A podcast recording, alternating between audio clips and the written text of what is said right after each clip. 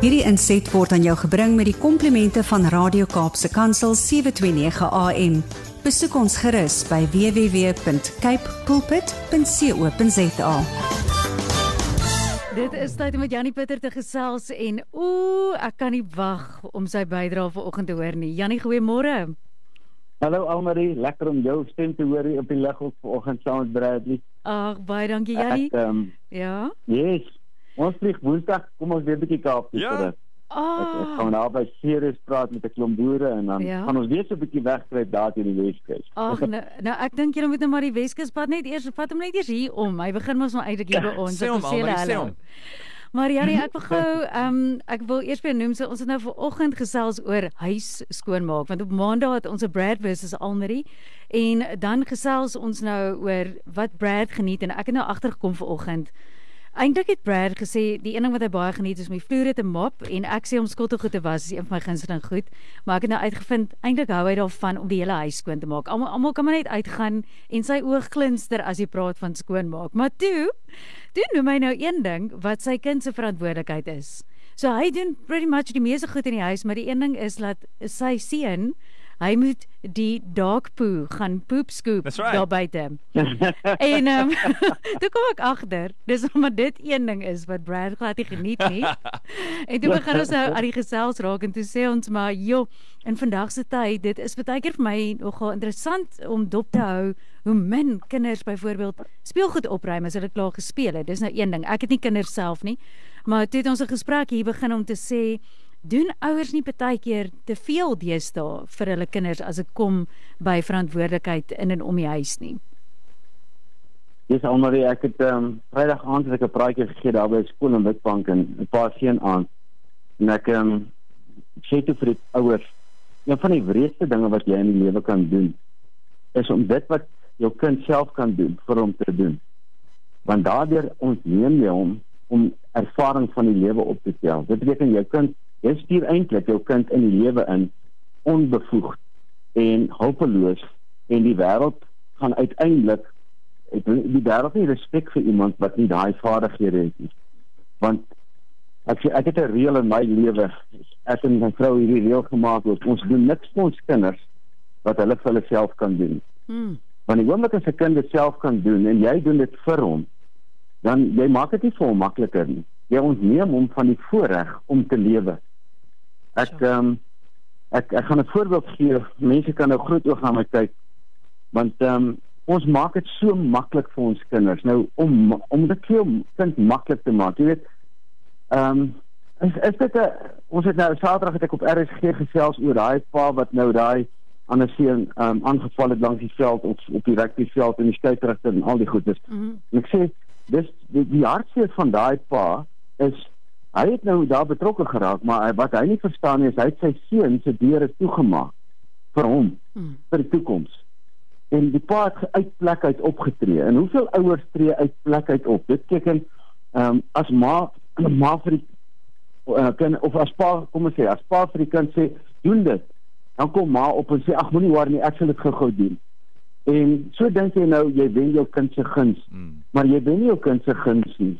Jy wen geen respek nie. Jou kind het geen respek uiteindelik vir jou nie. Jou kind mag miskien van jou en sê jy's 'n oulike pappa of 'n oulike mamma, maar daar's nie respek nie. En dit sien ons almal is 100% reg. Ons sien dit so in huishou as as ouers hier inkom in my kantoor met hulle kinders. Dan vra hulle vir die kind, "Waar wil jy sit?" Dan dink ek, dis die teenoorgestelde van wat my kinders sal doen. My kinders sal sê, "Pappa, waar wil pappa sit?" Sjoe. en dan kan ek gaan sit. Nou vra die ouers, "Waar wil jy sit?" En dan gee hulle vir die kind die beste plek. Ja. Daai kind uh, leer nooit ehm um, dankbaarheid nie. Nou dankbaarheid in my opinie is seker een van die grootste uh, karaktereienskappe wat 'n suksesvolle mens het. 'n Suksesvolle mens het 'n dankbaarheid. Nou wanneer jy dankbaarheid het, beteken jy het dinge. As jy onvergenoegdheid het, beteken dit jy het nie dinge nie en jy kan nooit tevrede gestel word nie.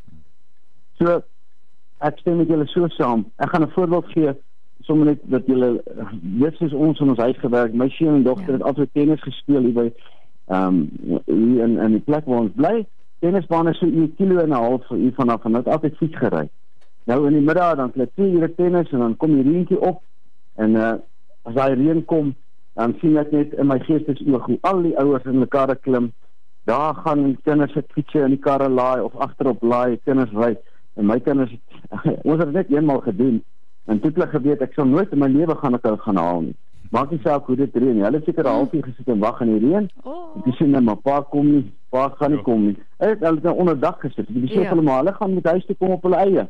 Ja. En uh toe hulle twee nou hier by die huis aankom, pap sop nat, uh modderstrepe op die rug en hulle kom in die huis en toe lag en dit was net amazing. Hulle sê, "Pa, gaan pa ons nie kom haal nie." Ek Sê, en ek het net as jy hier gesit en gesê, "Daar's geen manier dat ons hulle gaan haal nie." Toe hulle uitkom, "Pa, gaan pa ons nie kom haal nie." Al die ander ouens sê, "Ek Ja. sien is daar een manier, geen manier in my lewe dit is hierdie vreugde wat jy nou ervaar. Hierdie gevoel van pap nat wees en nou in 'n warm stort gaan klim. Daar's geen manier dat ek jou gaan beroof van dit nie. So in die toekoms kan jy maar weet wanneer daai geleentheid daar voor voordoen. Moenie vir pappa wag nie. Ge- ge- Geniet die avontuur. Ja. En my kinders het soveel vreugde as gevolg van dit. Ek kan nie vir julle sê al ry ons net kerk toe. As ons terugkom hier, dan sal my dogter vir my sê, "Pappa, dankie dat ons saam met pappa kon kerk toe ry." Pappa, dankie dat ons dit kon doen. Dankie dat daai dankie. As 'n as 'n kind kan dankie sê, dan kan jy hom hom baie dinge gee, maar as 'n kind nie daai woord dankie ken dan gee jy partykeer vir hom heeltemal te veel. Ja. Ja nee, ek dink nou sommer miskien luister 'n ouer vandag en hulle dink, "O, jong, ek het dit verkeerd gedoen al hierdie jare, is dit nou te laat." Waar begin 'n mens om daai beginsels by jou kinders net regtig te instil sodat jy hulle nie eintlik hulpeloos maak nie, want dis wat mense doen, Ja. dink ek, né? En mense wil hulle versterk, jy wil hulle um bemagtig. Ja, weet jy almal ek het nou Vrydag aand daar waar gepraat het met daai paas en seuns. Toe stap ek uit die een seentjie toe. Ek sê vir hom, "Uh, kan ek jou 'n vraag vra?" Hy sê, "Ja, oom." Ehm, um, ag so so 'n paar goed daar rondom, maar ek gaan nou net die ding vertel. Hy sê toe van, "Ja, man." Ehm, um, maar in die begin het hy net gesê ja. Mm. Die vraag van wat gaan jy my noem? Sê hy, oom. Sê ek van kan ek jou 'n vraag vra? Sê hy ja. Sê ek van wat gaan jy my noem? Uiteindelik toe vang hy hom sê ja oom. maar toe lag almal nou maar ehm um, van daar af al die seentjies net ja oom ja nee, ja oom ja nee, maar ek vra ek vra toe hulle vir hom sê gou vir my ehm um, wil jy hê jou pa moet dit vir jou maklik maak of wil jy hê jou pa moet dit vir jou taaf maak in hierdie lewe? En onmiddellik sê hy nee, ek hoop my pa maak dit my maklik. Ek sê vir hom jy moet nou baie mooi dink oor wat jy nou sê. As jou pa dit vir jou maklik maak, gaan jy sterk word of gaan jy swak word? Nou kyk my so 'n jong seentjie. En hy sê ek gaan swak wees oom. Sê ek, so wil jy graag hê jou pa moet dit vir jou maklik maak? Hy sê toe nee oom, ek wil hê my pa moet dit vir my taaf maak. Mm. Ek sê toe vir hom, "Oké, okay, hier sit jou pa langs jou. Vra jou pa nou. Pappa, sou pappa dit vir my taaf maak?" Nou die oomblik wanneer die kind dit vir jou d- nou wat ek nou verduidelik is, jy moet 'n ooreenkoms met jou kinders aangaan. Dat jou kinders jou vra, "Pappa, ontneem my asseblief nie die voorregte van die lewe om daai goed self te doen." nie." Want as jou kind verstaan wat dit beteken, wat die konsekwensies daarvan is, dan sal hy nooit veel kwaad word wanneer jy dit vir hom taaf maak. So. Maar omdat kinders gemaklik wil wees. Alle mense wil gemaklik wees, maar hulle dink nie oor die konsekwensies daarvan. Is die ouers bang vir die kinders? Hulle is nou bang die kind raak ongelukkig of uh kwaad. Mm. So nou doen die ouer alles net sodat die kind gelukkig moet wees, maar nie een van die twee het gedink oor die konsekwensies daarvan. Ja. So as jy met jou kinders net 'n lekker ooreenkoms aangaan en sê, kom ons gesels. Wat wil julle vir die lewe hê? Hoe wil julle deur die lewe gaan? Wat wil julle hê dit moet maklik wees en swak word of sal julle graag die vaardighede van die lewe wil leer? Hulle gaan vir jou sê, ek wil graag die vaardighede leer. Hmm. Dan sê jy vir hulle, "Great. Sal jy is dit alright as ek dit so met julle doen?" Ja, pa, asseblief. Ja, maar geen fight nie. Daar's niks. Dis 'n spanwerk in die huis en dit word eintlik 'n 'n grap. Want nou kan die kind nooit kwaad word vir die ouer.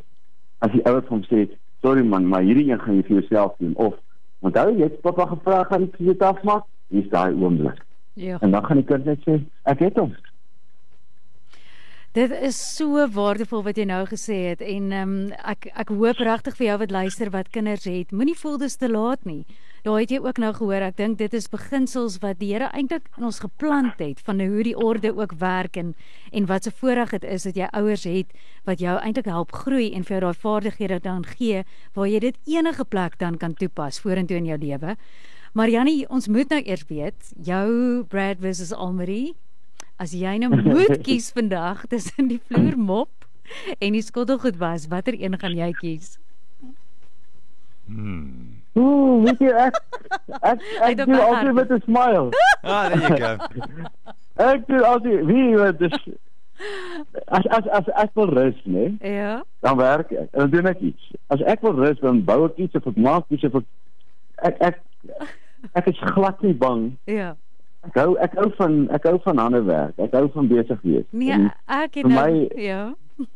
uh, ek ek ek dink ek sal eerder die ek sal eerder die skottelgoed was voor ek die vloer maak. Oh, it's okay, Yanni. Don't worry. She needed as much help as she could get today. Ek het nou hierdie dag besluit ek gaan vir Brad en dan vir Jannie hier want julle twee hou te veel van skoonmaak. Julle gaan moet kom help daar by my. Nee, nee, die vloer mop is is eers uit twee en dan mop en dan daai Ja, is dit 'n dankie. bietjie lank pad. Voor uh, skottelgoed was. ah, is daar 'n vinnige Ja. Ag, hoorie mos sê vir jou so verskriklik dankie en geniet julle tydjie ook in die Kaap en ons hoop jy kan eendag sommer 'n draai kom maak hier by ons. Dankie Almarie. Ek waardeer dit. Julle moet 'n Bye. great week hê, Bradley. Ja. Ja, hy's van jou like speaker. hier. Ah, that's what I like to hear. You, Yanni. Cheers. Baie Jannie. Hierdie inset was aan jou gebring met die komplimente van Radio Kaapse Kansel 729 AM. Besoek ons gerus by www.cape pulpit.co.za.